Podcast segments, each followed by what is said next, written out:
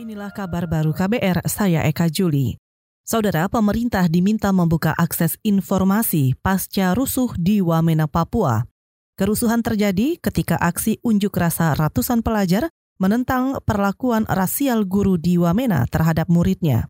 Koordinator Kontras Yati Andriani mendesak pemerintah tidak menutup diri atas fakta-fakta yang terjadi dalam peristiwa itu. Paling penting sebenarnya dengan situasi seperti ini, pertama pemerintah, kemudian kepolisian maupun penegak aparat keamanan membuka akses luas-luasnya bagi jurnalis untuk meliput dan um, mendapatkan informasi yang uh, utuh dalam peristiwa terakhir di Wamena. Itu tadi Koordinator Kontras Yati Andriani. Saudara, sebanyak 17 orang meninggal dan 66 luka-luka akibat kerusuhan di Wamena Jaya Wijaya, Papua kemarin. Dikutip dari Antara, dan Dim Jaya Wijaya Chandra Dianto mengatakan satu dari 17 orang itu merupakan warga asli Papua dan 16 lainnya pendatang.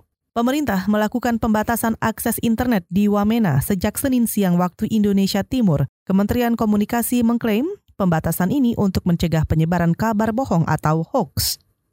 Saudara Menteri Koordinator Politik Hukum dan Keamanan Wiranto menyebut demonstrasi mahasiswa di berbagai daerah yang digelar sejak kemarin hanya mengganggu ketertiban. Menurutnya, seharusnya mahasiswa menyampaikan tuntutannya melalui dialog ketimbang turun ke jalan. Ia mengklaim jalur dialog lebih etis ketimbang menggelar demonstrasi penyampaian pendapat di muka umum itu dibolehkan kalau jalurnya sudah buntu. Tapi kan ada satu jalur lain yang bisa lebih terhormat, lebih etis ya. Kirim perwakilan dan bicara ya dengan institusi yang memang perlu untuk mendengarkan aspirasi masyarakat. Tapi kalau demo-demo seperti ini kan melelahkan ya, mengganggu ketentraman umum, mengganggu ketertiban dan juga hasilnya kurang bagus karena uh, proses koordinasi, proses dialog itu nggak nggak terjadi. Menko Polhukam Wiranto menambahkan, aksi-aksi mahasiswa rentan ditunggangi pihak luar yang bisa memicu kegaduhan. Jika hal itu terjadi, menurut Wiranto, maka masyarakat luas juga turut dirugikan.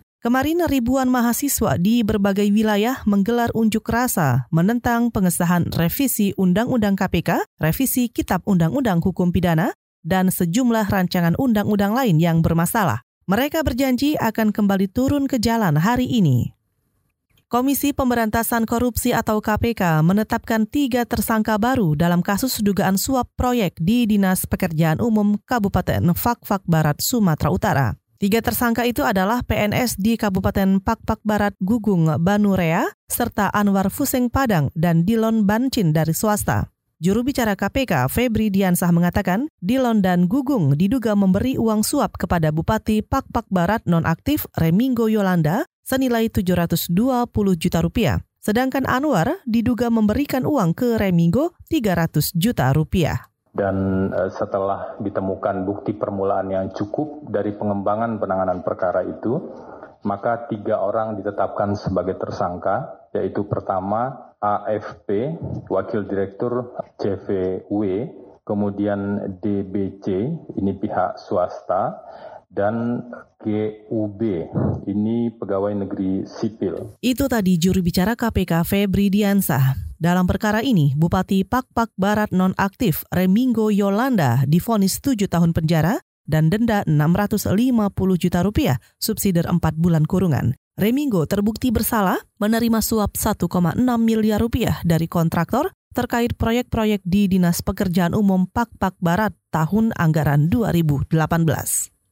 Saudara bekas Bupati Kepulauan Talaut Sri Wahyumi Maria Manalif didakwa menerima suap sebesar 591 juta rupiah. Dalam sidang dakwaan di Pengadilan Tipikor Jakarta kemarin, Jaksa KPK Asri Irwan mendakwa Sri menerima suap dari pengusaha Bernard Hanafi Kalalo dalam lelang pekerjaan revitalisasi pasar tahun 2019 bertentangan dengan kewajiban terdakwa selaku penyelenggara negara sebagaimana diatur dalam ketentuan pasal 5 angka 4 dan angka 6 Undang-Undang RI nomor 28 tahun 1999 tentang penyelenggaraan negara yang bersih dan bebas dari korupsi, kolusi dan nepotisme. Itu tadi jaksa KPK Asri Irwan. Sidang selanjutnya akan digelar Senin pekan depan dengan agenda pemeriksaan saksi. Jumlah saksi yang akan dihadirkan maksimal 15 orang. Dalam perkara ini, pengusaha Bernard Hanafi Kalalo difonis satu tahun 6 bulan penjara dan denda 100 juta rupiah subsidiar 3 bulan kurungan. Saudara demikian kabar baru, saya Eka Juli.